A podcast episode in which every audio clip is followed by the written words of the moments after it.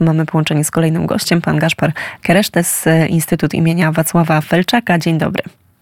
Dzień dobry, witam serdecznie. No i teraz skupimy się trochę na tym, co dzieje się, jeżeli chodzi o wewnętrzną politykę Węgier. Jeszcze raz może przypomnijmy słuchaczom Radia Wnet, jakie jest tło rezygnacji prezydent Katalin Nowak. No, e, jest e, wielka e, afera w sprawie pedofilskiej, to już sięga dość długo, dawno, to między 2004 a 2016 ówczesny dyrektor Domu Dziecka w Biczkę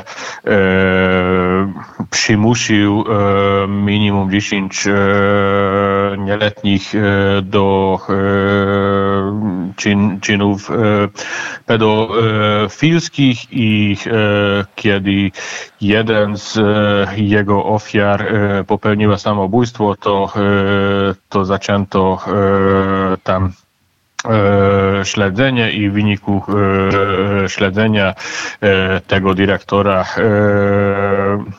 dyrektor trafił do e, więzienia, e, natomiast e, jego zastępca spróbował to zatuszować i, i szantażować te rzeczy, żeby zmienili zeznania w sądzie. Później ten e, wicedyrektor też e, trafił do e, więzienia i w czasie e, odsiadki e, ktoś, to do dziś nie wiadomo kto, e, poprosił e, prezydenta o ułaskawienie, a e, ten e, wniosek został e, po, popierany przez e, byłego ministra e, kultury Zoltana e, Baloga, a potem e, podpisany przez prezydent i kontrasygnowany przez ówczesny minister sprawiedliwości.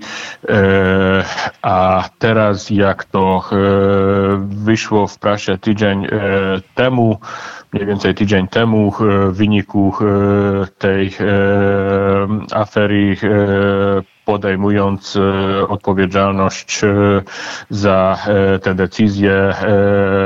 Pani prezydent zrezygnowała z urzędu i tak samo w tym samym dniu zrobił to była już ministra sprawiedliwości Judith Warga.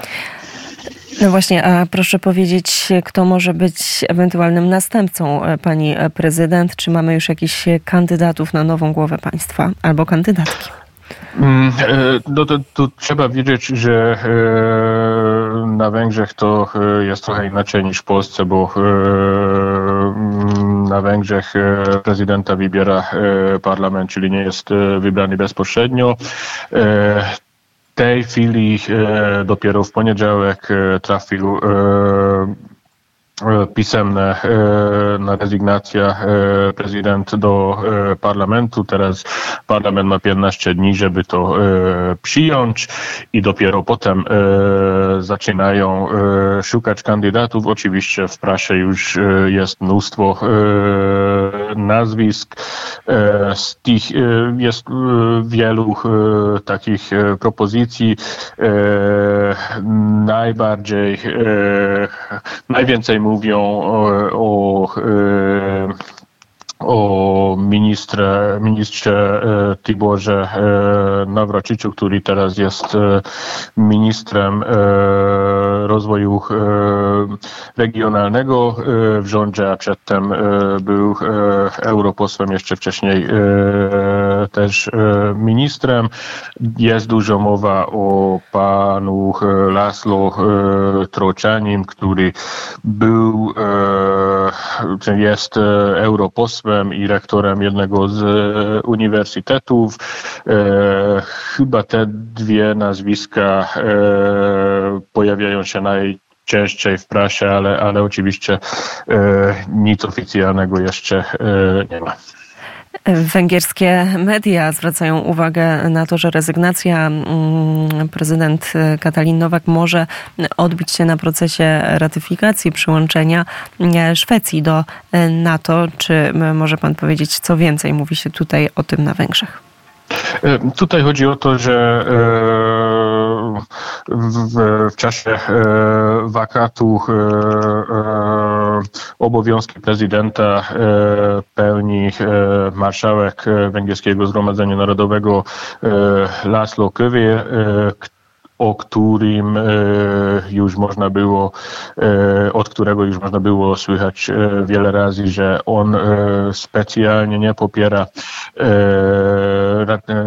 ratyfikację w tej chwili, w związku z czym pewnie są takie obawy. A jak ogólnie na Węgrzech oceniane są no właśnie takie ruchy, między innymi jak blokowanie e, wcześniej e, pomocy dla Ukrainy? Wiemy, że już tutaj na pewne ustępstwa poszedł premier Viktor Orban, ale właśnie Ech. też e, blokowanie przyłączenia Szwecji do NATO. Jak wyglądają te nastroje społeczne na Węgrzech i jak oceniane są takie ruchy premiera mm, Orbana? No to jest niełatwe pytanie, bo trudno, trudno zawsze mówić o Węgrzech jako o, o, o jednej opinii publicznej, bo tak samo jak w Polsce opinia publiczna i społeczeństwo jest bardzo podzielone i, i każda strona polityczna interpretuje to według swojego gustu. Wiadomo, ci, którzy e, raczej są za e, opozycją, uważają e, ta całe zwlekanie za, za haniebne, a z kolei strona bliżej rządowi uważa, że jednak ze Szwedami Węgrzy powinni dalej pertraktować i Szwedzi powinni się wstrzymać od ostrej krytyki węgierskiego rządu. I to są e, tematy, do których na pewno będziemy wracać. Rozumiem, że Węgry żyją obecnie no, tą polityką e, wewnętrzną. Czy jeszcze jest jakiś temat, e, który zdominował media węgierskie? No, y, oczywiście te, tematem numer y, jeden to, to dalej y, jest to, a w dalszej perspektywie, no tak samo jak, jak w Polsce, stoimy przed wyborami europarlamentarnymi oraz wyborami E, e, lokalnymi, władzami lokalnymi, na przykład e, dalej nie wiadomo, kogo wystawi rząd na nadburmistrza Budapesztu, to zapewne ta afera też na wszystko wpłynie, tym bardziej, że na przykład do wyborów europejskich pani Judith Warga, była minister sprawiedliwości, była jedynka E, planowana jedynka na liście, a teraz nie wiemy, e, kto będzie na czele e, tej listy.